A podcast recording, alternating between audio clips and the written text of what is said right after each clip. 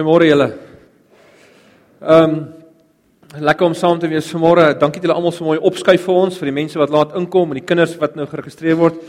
Uh Dit is 'n lekker gemeente en ek bedoel in die ons vra dan baie min van ons lidmate klink dit vir my. Die uh kyk in die ou dae is die Christene vir leeu's gegooi en hulle is gemartel vir die Here. Al ons van julle vra as jy skuif net 'n bietjie op, jy weet, dis dis eintlik heel lekker. 'n uh, predikant het eendag gekom as gasspreker op te tree by een of uh, by 'n gemeente en hy kom toe in en hy sien daar's uh, hy kom toe in die kerkgebou en hy sien hier's hier's geen stoele nie, net heel agter is daar 'n bank wat mense hou van agter sit. So dit was altyd dit's maklik van agter af vol na vorentoe. En hy dink, "Ag, dis oulik, hy hou dit so dop en hy sien die die lidmate kom ingestel almal heel agter, sodra die bank vol is, kom hy outomaties vorentoe. En uh dan kom daar 'n ander bank agterop. En dan dan kom nuwe mense daar en dan sit hulle daar en as daai een vol is dan kom hy outomaties vorentoe en dan kom 'n derde bank agterop. En die ouer keer, dis die coolste kerk.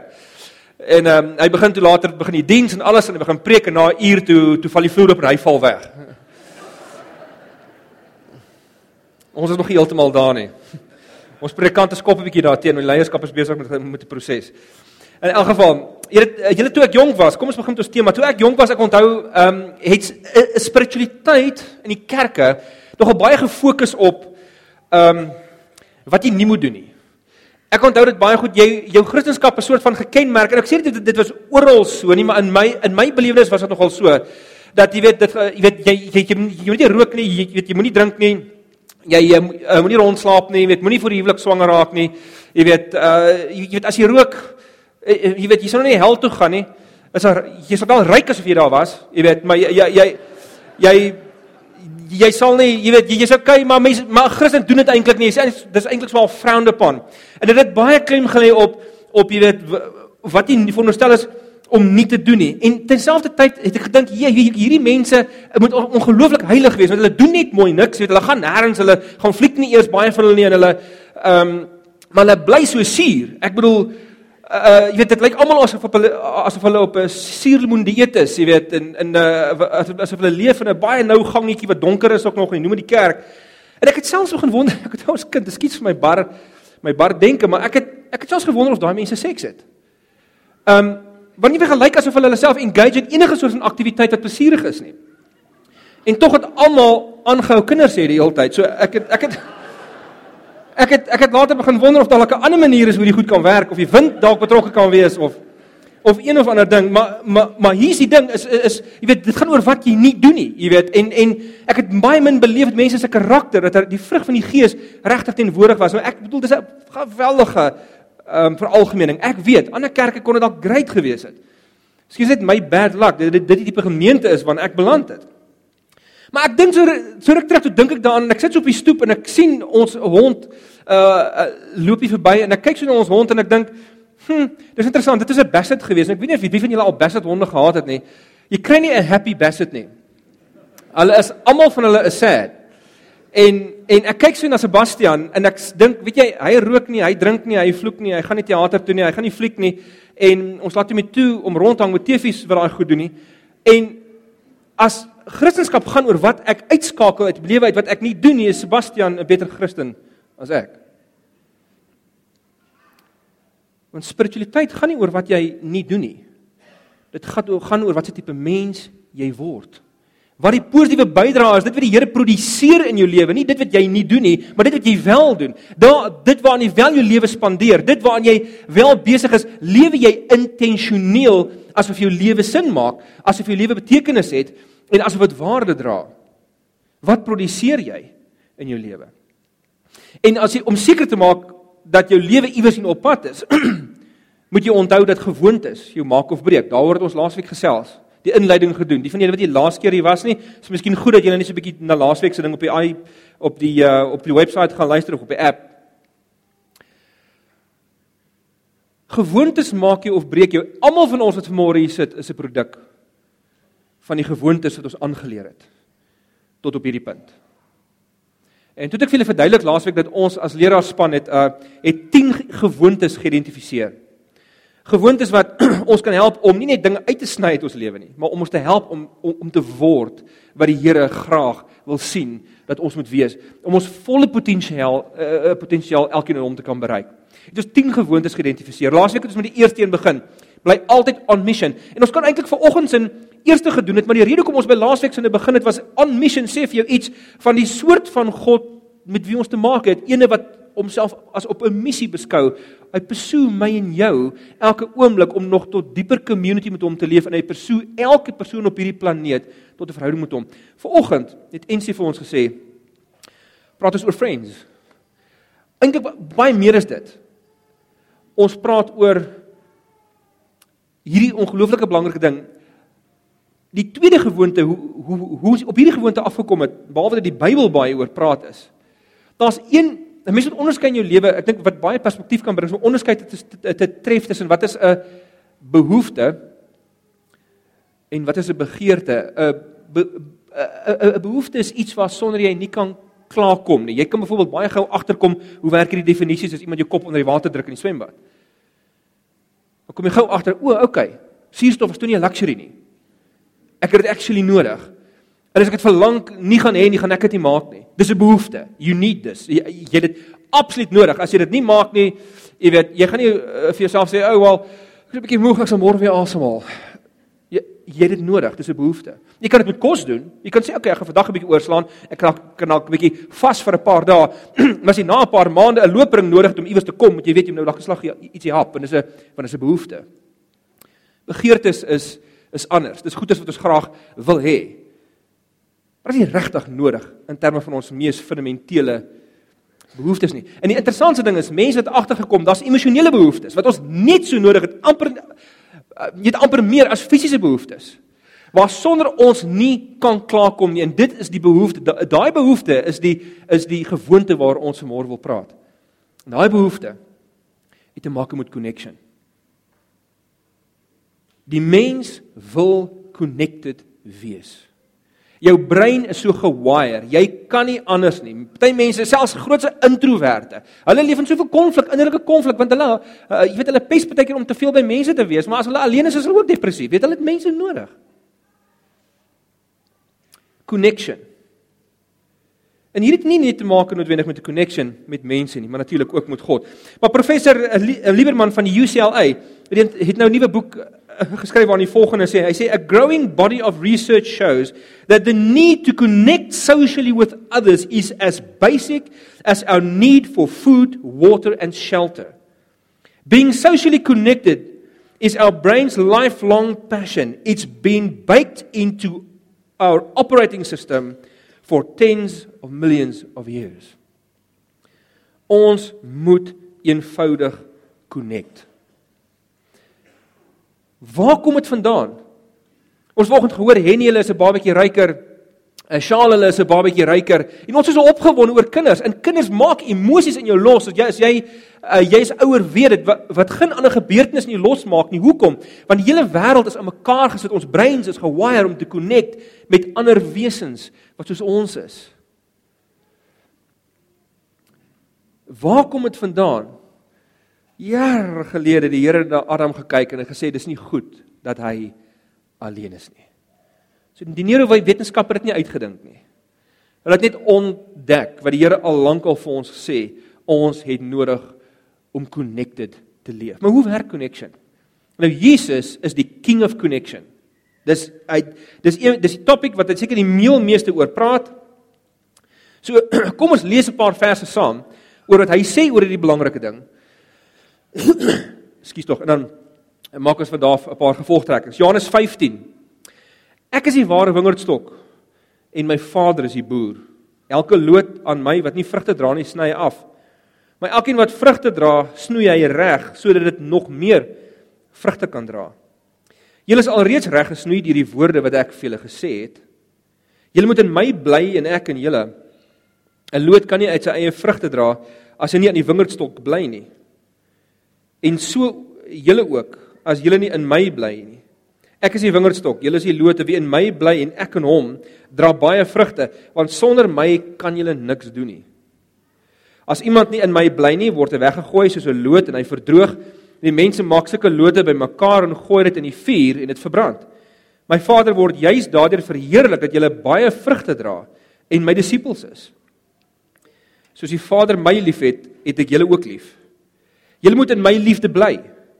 Dit sê ek vir julle sodat my blydskap in julle kan wees en julle blydskap volkome kan wees. Dit is my opdrag. Julle moet mekaar lief hê soos ek julle liefhet. Niemand het groter liefde as dit nie dat hy sy lewe vir sy vriende aflê. Ek is so spyt ons kan nie langer stukke lees nie. Ehm um, maar weens sosiale media lei ons almal so, aan so 'n bietjie ADD. Jy weet so ek wil julle nie verveel nie. So ek ek hou dit so kort as moontlik. Maar hierdie paar tekste is ongelooflik belangrik in die Johannes Evangelie. Dit is van die mees fundamentele tekste. Trouens die dit is deel van die hoogtepunt van Johannes Evangelie. Johannes begin hoofstuk 1 en dan in 12 lyk dit vir ons asof ding asof hulle Jesus gaan gevange neem, die volgende oomblik gaan kruisig en dan word die evangelie onderbreek met hierdie 5 hoofstukke lank ehm um, afdraai pad waar Jesus met sy disippels alleen sit in community en hy dis sy laaste lewensuur wat hy met hulle besig is en hy hy's as ware op sy sterfbed en hy deel hierdie fundamentele goed. En van daai 5 hoofstukke is hoofstuk 15 die middelste een wat wat in Johannes se struktuur vir ons wys, dit is die as waarom die hele res van daai 5 hoofstukke draai. Dit is die fokuspunt. Hy sê vir hulle nou Jesus praat hier oor 'n paar klomp interessante temas. Hy praat oor hoë produksie. Hy sê julle moet baie vrug dra. Dis my Vader se wil dat julle baie vrug moet dra. As julle in my bly, sal julle baie vrug dra. Dis 'n term wat die heeltyd heeltyd oor en oor gesê word. And by the way, dis die tweede behoefte wat mense het. Is om te achieve. Connecting, eerste, achieving, tweede. En Jesus beantwoord al twee daai. Hy praat oor produksie, hy praat oor vreugde. My vreugde sal julle soen word. En hy praat oor community, hy praat oor 'n community waar die connections wat ehm um, wat, wat mense maak so diep is dat hulle lewens vir mekaar af lê. Hy praat oor hierdie resultate, hierdie goedes wat kan plaasvind, maar hy verbind dit als aan een belangrike ding wat sonder hierdie goed nie kan gebeur nie en dit is bly in my, sê hy. Soos ek en jou. Bly in my. Wat presies beteken dit? Hy kuier saam met sy disippels om die tafel. Hy diep community met hulle almal gehad. Hy praat later in hoofstuk 14 en 16 van die Heilige Gees wat gaan kom, wat in sy plek die community gaan oorneem. Trouwens, um, Ernst Keseman het gesê die die definisie van die Heilige Gees is uh, the Holy Spirit is Jesus presence in Jesus absence. Met ander woorde Jesus sê eintlik vir hulle, julle julle kan aanhou met my community te hê al gaan ek weg, die Gees kom, hy verteenwoordig my, julle julle gemeenskap met my kan aanhou. Hy sê hierdie vriendskap wat ons het, hierdie hierdie nou pad wat ons gestap het die afgelope 2 en 'n half 3 jaar, hierdie hierdie diep koneksie, hierdie dinge met mekaar deel, hierdie life met mekaar deel, dit moet julle bly doen. Julle moet in my bly, want sonder my kan julle niks doen nie. As baie vrug vir jou belangrik is in jou lewe, met ander woorde om al jou potensiaal te bereik, as joy vir jou belangrik is in jou lewe, as as liefde regtig vir jou belangrik is om deel te wees van 'n liefdevolle community waar jy waar jy kan aanvaar word soos wat jy is en soos wat jy kan lief hê en waar jy kan leer om lief te hê, as as daai vir jou belangrik is, dan is daar een fundamentele ding wat jy net moet verstaan. Jy moet eers te connect met my. En ek gebruik die die beeld van 'n 'n wingerd, 'n wynstok. As jy my vader is die boer, dan word al hierdie goed behoort aan my vader, ek is die wingerdstok. Dis interessant dat hy wat hy hierso doen. Dat hy nie sê God is die wingerdstok nie. Hy is die boer sowel as die wingerdstok. Daar's voorbeelde in die Ou Testament waar God verskeie dinge te gelyk is. Jesus sê ek is die ek is die wingerdstok. Julle is die lote. Julle kom uit my uit. En soos wat 'n wingerdstok ingebed is, 'n loot ingebed is in die wingerdstok, intiem hulle eintlik een is op 'n punt. So moet julle een bly met my. Die verhouding tussen my en julle moet bly, anders gaan julle niks kan doen nie. Nou, niks doen beteken nie ons kan nie op 'n manier produktief wees nie. Ons kan nie werk toe gaan nie. Ons kan nie sekere dinge doen nie. Maar in terme van wat wat belangrik is, die mees fundamentele dinge van die lewe en die dinge wat jou uiteindelik gaan laat jou lewe gaan laat tel, gaan laat sin maak, daarvan kan jy niks doen nie. So so so hy gebruik hierdie voorbeeld en sê dit vir ons gesorg hier vir 'n boontjie. Ons kan die die die voorbeeld gebruik van 'n boom en 'n tak. Hy probeer sê hier waar die takkie, hier waar die takkie bymekaar kom in die stam. So moet julle in my bly soos ek in julle. En hier is die belangrike ding. Die oomblik. Kom ons vat 'n takkie nou hierso. Hierdie takkie lewe. Nee, stem julle saam? OK, laat ek vir julle sê ja. OK. Nou, hy lewe nog. Hy lewe. Hier het hy begin sterf. Die oomblik as hy afgeknip is, begin hy sterf. Nou die interessante ding is hierdie takkie lyk nog soos die boom. Dit lyk nog of hy lewe. Hy lyk groen, die blare is nog hier. As dit 'n suurlemoenboontjie was of 'n ander ding, dan sê dalk 'n vruggie hier gehad het gehang het of wat ook al. Dit hy hy lyk nog so, maar hy het reeds begin om te sterf. Hy is hy het eintlik al reeds gesterf. Hy's 'n dead branch walking.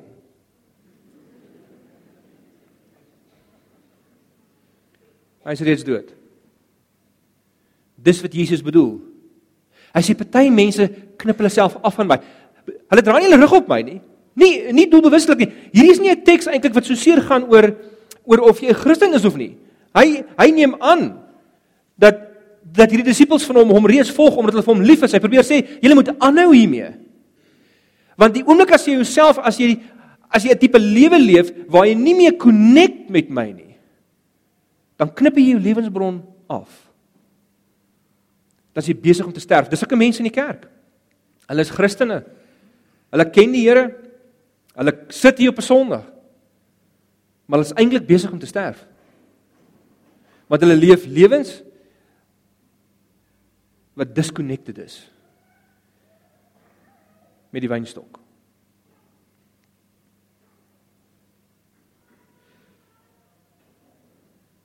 So hierdie is 'n interessante ding dat Jesus gedurig na homself verwys as die wynstok. Hy sê ek is die ware wingerdstok. Ek is die ware wingerdstok. Dit mense van ander godsdienste of mense wat agnosties is of mense wat nie meer glo nie, vra baie keer vir my, "Hoe kan jy sê Hoe kan jy sê Jesus is die enigste weg? Hoe kan jy sê hy is die om hierdie taal te gebruik? Hy is die enigste ware wingerdstok. En sê ek, "Jy weet jy wat, dis nie ek nie maar ek probeer nie diskrimineer nie. Ek ek ek, ek, ek sê maar wie almal van ons diskrimineer. Ek sê vir hom dis toevallige sake ou hierdie waarna ek nou dink. Ek sê vir hom jy diskrimineer elke keer as jy mense aanstel. Want jy kyk deur CV's. En jy sien ek kan jy hierdie gooi ek uit. Hierdie kom ons interview hierdie ouens en dan interview jy mense en dan diskrimineer jy ook want jy wat jy stel net een persoon aan. Wat van al die ander? Ek sê hier is die rede, ek probeer nie diskrimineer nie. Dis net daar's niemand wat Jesus se CV het nie. Hy het aan die kant die dood teruggekom. En hy het gesê hy gaan.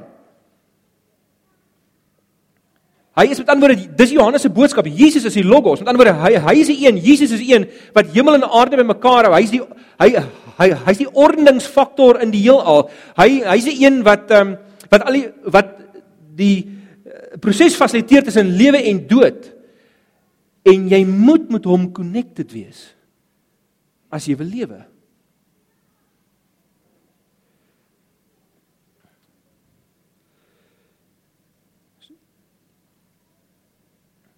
So hy Jesus word jou toegang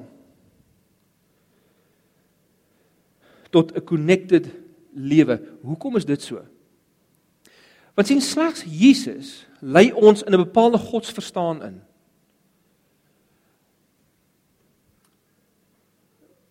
Wat vir ons die grondslag lê vir connection.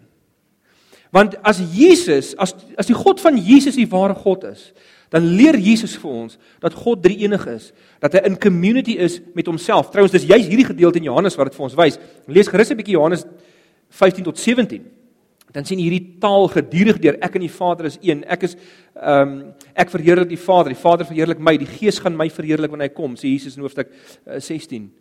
Da daar's hierdie spel tussen die Vader, Seun en Heilige Gees. Daar's hierdie community, hierdie absolute liefdevolle community en dis Jesus se punt. As jy met Jesus connect, hy is die stam.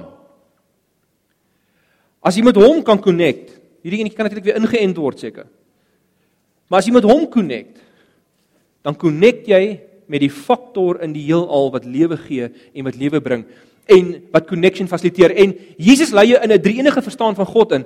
Dit, dit dit is net God drie-enig wat voor die skepping al kon sê ek is liefde. Hoekom? Allah kan dit sê nie want hy's net een. God is alreeds in 'n verhouding met homself. Met ander woorde, God is die enigste idee van God behalwe die God van die Ou Testament natuurlik wat die Jode ook glo wat wat geskep het uit liefde. Wat gesê het wie jy daar's liefde die die die mees essensiële deel van die heelal, die die mees basiese singularity van die heelal, eintlik nog voor dit is verhoudings, is connection. Dan word 'n realiteit is connection. Die diepste realiteit as God die diepste realiteit is, is connection en verhoudings.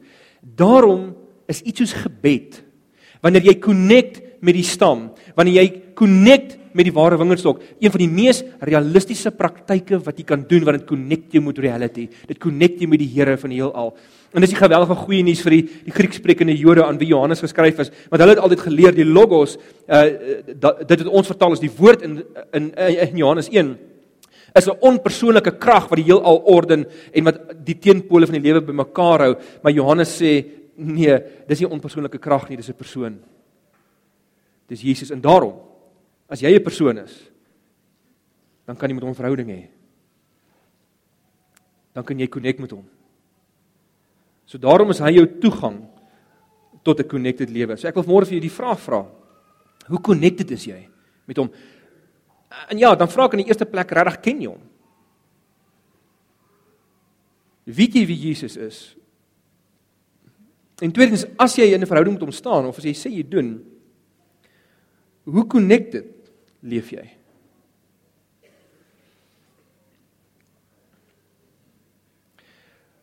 Want mense knip hulle self af deur 'n lewens te leef wat so besig is, wat so besig raak dat hulle nie meer tyd het nie.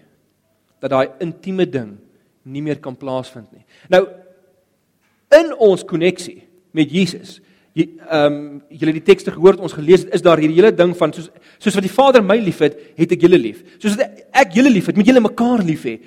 Met ander woorde, hierdie koneksie vloei in 'n community in waar mense hulle lewens vir mekaar gee soos wat God se lewe, soos wat Christus se lewe vir my en jou gee. Want Joseph Myers het 'n boek geskryf vir julle rukkie terug, The Quest to Belong. En daarin het hy gepraat van mense min of meer vier verhoudingsspasies waarin waarin mense hulle self bevind. Ehm um, hy sê daarso heel links is in jou vriendskappe met mense het jy 'n 'n publieke spasie. Dis nie van jou close vriende daar nie. Dit, dit dis iemand wat jy een keer 'n jaar of twee keer 'n jaar by die rugby ra raak sien, jy weet, of by die braai, weet by die skool of hoe ook al. En as julle mekaar sien, is julle goeie vriende, julle kuier lekker saam, jy weet en so aan, maar julle doen nie eintlik verder moeite nie. Maar julle is wat wat wat mense sou sou konsider vriende. Dan dan jy 'n sosiale spasie waar jy dis miskien jy mense wat jy so nou dan uitnooi na jou huis toe. Nou, jy weet ook eintlik baie nie, miskien so een keer 'n jaar of wat, dalk selfs twee keer 'n jaar hier rondom Kersfees miskien of of of so iets. En dan het jy jou privaat spasie. Dis waar jy jou close vriende is. Hierdie mense kuier jy redelik gereeld mee. En dan jy heel aan die einde jou jou intieme spasie. D dit is waar jou lewensmaat is en miskien een of twee close vriende. Met hierdie mense deel jy jou lewe en hulle deel hulle lewe met jou. Jy vertrou hulle met alles. Maar soos wat ons hierdie sosiale spasies het of of, of verhoudingsspasies behandel mense die Here ook so. Vir sommige mense is Jesus in die publieke spasie. Jy weet, jy sien hom net as jy kerk toe kom. Hallo Here, ek's hier.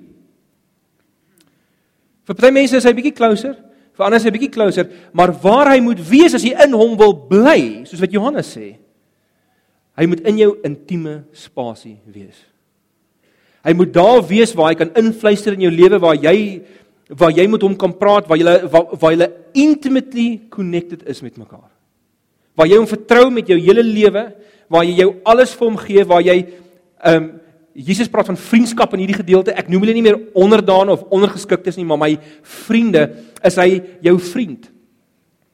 Die een wie jy jy alles deel. Jesus moet in jou intieme spasie wees. En dan natuurlik as hy in jou intieme spasie is, dan bring hy baie 'n bietjie familie saam. Want dan moet mense ook wees wat in jou intieme spasie is, mense wat als van jou af weet om connected te leef, het jy hierdie twee verhoudinge ten minste hierdie twee nodig. Jy jy, jy moet met die natuur ook connect. Dit dis ook 'n Bybelse tema. Maar jy moet ten minste met hierdie twee connect. As jy connected wil leef, wees in koneksie met Jesus. En laat uit dit uit vloei daar 'n koneksie met vriende, met familie en met 'n gemeente. So dis die tweede gewoonte. Leef connected leef connected. En maak seker jy jy rig hierdie jaar jou lewe so in. So kom ek sluit af met met vier eenvoudige praktiese goedjies oor hoe 'n mens in Jesus kan bly. Soos hy wil hê ons moet in hom bly. Die heel eerste enetjie is leef met 'n gedurende bewustheid van Jesus se teenwoordigheid. Nou as jy volgende in 'n skeptiese plek in jou lewe is en jy weet nie of Jesus regtig is nie en of hy regtig opgestaan het nie, dan is dit goedjies wat jy bietjie na moet gaan kyk, jy moet bietjie navorsing gaan doen en as goed is wat jy moet lees. Maar as jy as jy verby daai punt is, ehm um, leer om die Here se teenwoordigheid raak te sien. Leer net eenvoudig om bewus te wees. Soos hierdie seentjie leef met oop geestelike oë.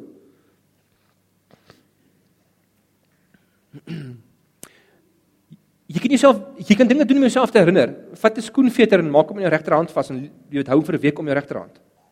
En wat gaan jou pla? En elke keer as jy jou pla, dan word jy herinner. Die Here is hier. Ek is ek is een met hom.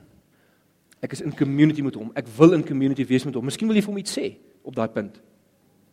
Maar leer jouself, stel jou alarm vir elke uur. Of net soos jy wil. Net om jouself te herinner dat wanneer hy afgaan, selfs in 'n vergadering of jou foon, as hy vibreer of wat ook al in die meeting. Maar weet jy net, die Here is hier. Ek is connected met hom. So oral waar jy waarheid, goedheid of skoonheid vind, is Jesus duidelik teenwoordig. So soek vir sy teenwoordigheid in jou lewe. Die tweede ding, hier is baie baie eenvoudige goed. Leer sy persoon en karakter ken deur die evangelies. Ek is konstant bekommerd daaroor dat Christene nie meer Bybel lees nie. Ek ek het 'n duidelike skuif sien plaasvind. Ek onthou kinders wat jy laat belydenis afgelê het toe ek in Oosterlig was. Uh, ek het einde 92 hier begin. Ek onthou die kinders wat belydenis aflê as jy met hulle interviews voer. Daai kinders het die Bybel geken. Die die die moeilike vrae wat hulle gevra het is Bybelse vrae. Dit is vrae wat hulle iewers raak gelees het. En dan sê hulle vir jou, hoorie, hoe werk hierdie ding? Dan dink ek, ja, hierdie ou ken die Bybel. Ek ek, ek hoop ek kan die ouetjie antwoord. Vandag is mense clueless. Hulle het nie hulle hulle nie idee wat in die Bybel aangaan nie en veral nie die verhale van die Bybel nie. Ons leer versies. My dogter kom vra nou die dag vir my, weet watse versies moet sy eers leer? Ek sê toe, "Mm, versies is goed, maar lees liewer die stories." So leer die Here ken Be, begin by die evangelies. Vat die kort steenetjie, vat die Markus evangelie. Sê vir jou, "Wie ek gaan hierdie jaar gaan ek net Markus deurlees en lees en lees en lees tot ek dink ek verstaan Jesus beter. Ek ken ek ken hom. En weet jy wat ons dink baie keer ons is connected met hom, maar ons het 'n valse idee van wie hy regtig is.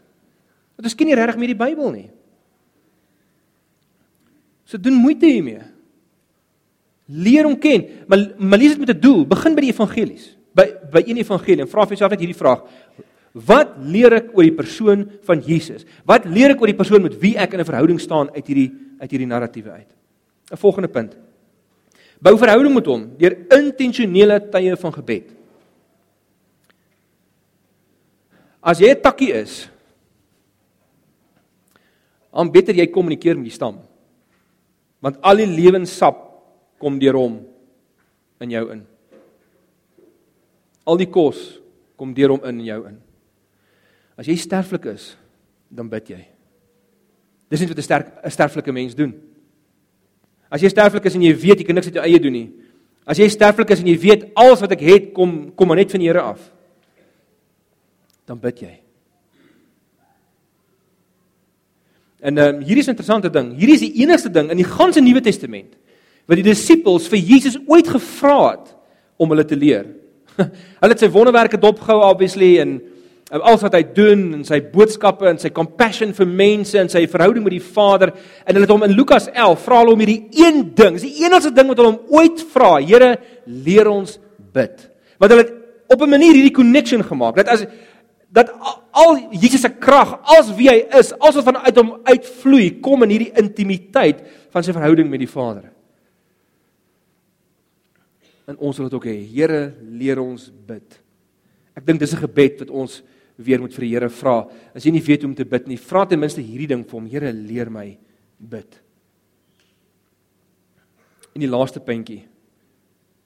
Sluit aan by 'n plaaslike Jesus gemeenskap en lê jou lewe neer. Nou wat ek doen by wat wat ek bedoel by 'n plaaslike Jesus gemeenskap is 'n gemeente. 'n Gemeente soos hierdie. As jy môre besoeker is, gaan terug na jou gemeente toe en as die leierskap daar vertrou, gee jou lewe. Maar dit is die beste manier hoe jy connected bly. Een van die beste maniere waarop jy connected bly met die Here is wees connected met waar hulle hom celebrate. Want hier's die belangrike ding.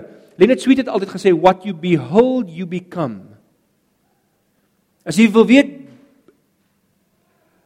wat jy gaan word eendag, wat jy besig is om te ontwikkel, kyk waar spandeer jy jou tyd? Waar vestig jy jou aandag? Na wie kyk jy? Na wat kyk jy? Waar vir wat gee jy jouself? So 'n community wat hulle aandag op Jesus fokus of hulle fokus op Jesus het, sluit aan by so 'n community en gee jouself. Nou, ek moet vir sê die nuutste navorsing wat 15 20 jaar terug was mense baie soos ek laas keer vir julle gesê het baie negatief oor gemeentes en gemeentes vaar nie meer so goed nie en so aan. Maar hier is die interessantste ding wat die nuutste navorsing nou vir ons wys dat formele lidmaatskap by 'n gemeente is nog steeds die beste manier hoe 'n gelowige die meeste kry uit sy verhouding met die Here. Maak 'n gemeente ook. Maak hierdie gemeente, as hierdie jou tuiste is, maak hierdie gemeente, bring hierdie gemeente in jou intimate spasie in. Neem deel.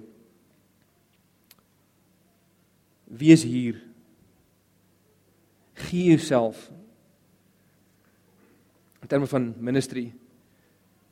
Maar dink net ek ek bedoel as dit vir jou onrealisties klink om, te dink gee jou lewe vir mense in 'n gemeente, dan wil ek vir jou vra dit is onrealisties, maar ek dink dit is omdat ons materialistiese westerse mindset so selfsugtig geword het dat dit vir ons so onrealisties klink. Imagine 'n plek. Ek wil verbeel jouself net. Imagine 'n plek waar mense hulle lewens gee vir mekaar. En dis nie histories onrealisties nie. Jesus het sy lewe gegee reeds.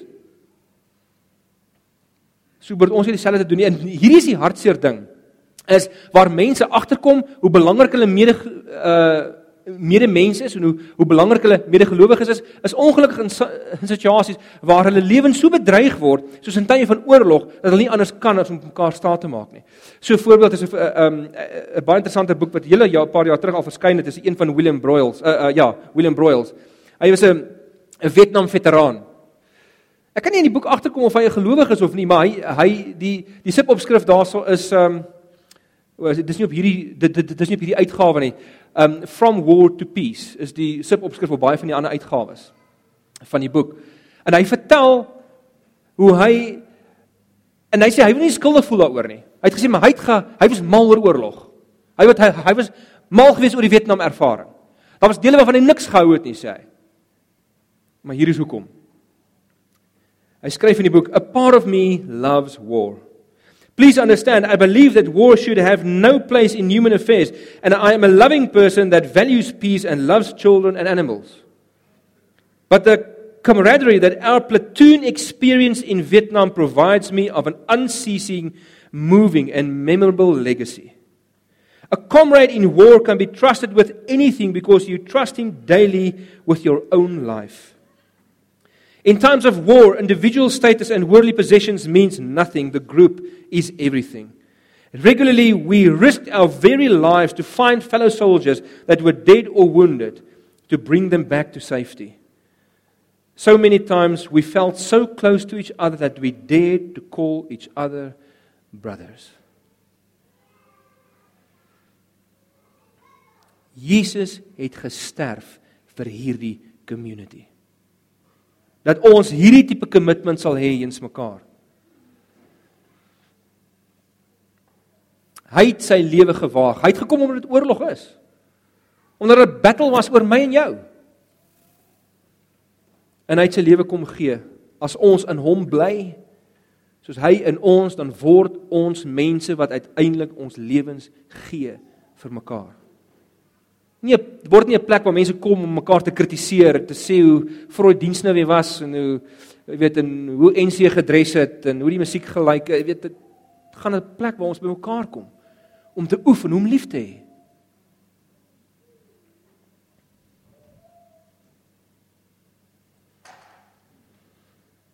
So ek wil môre vanmôre hierdie vraag vir jou vra. 1 Ken jy Jesus? Het jy 'n verhouding met hom? Hy is die wingerdstok. 2 leef jy connected met hom? Leef jy connected met sy mense?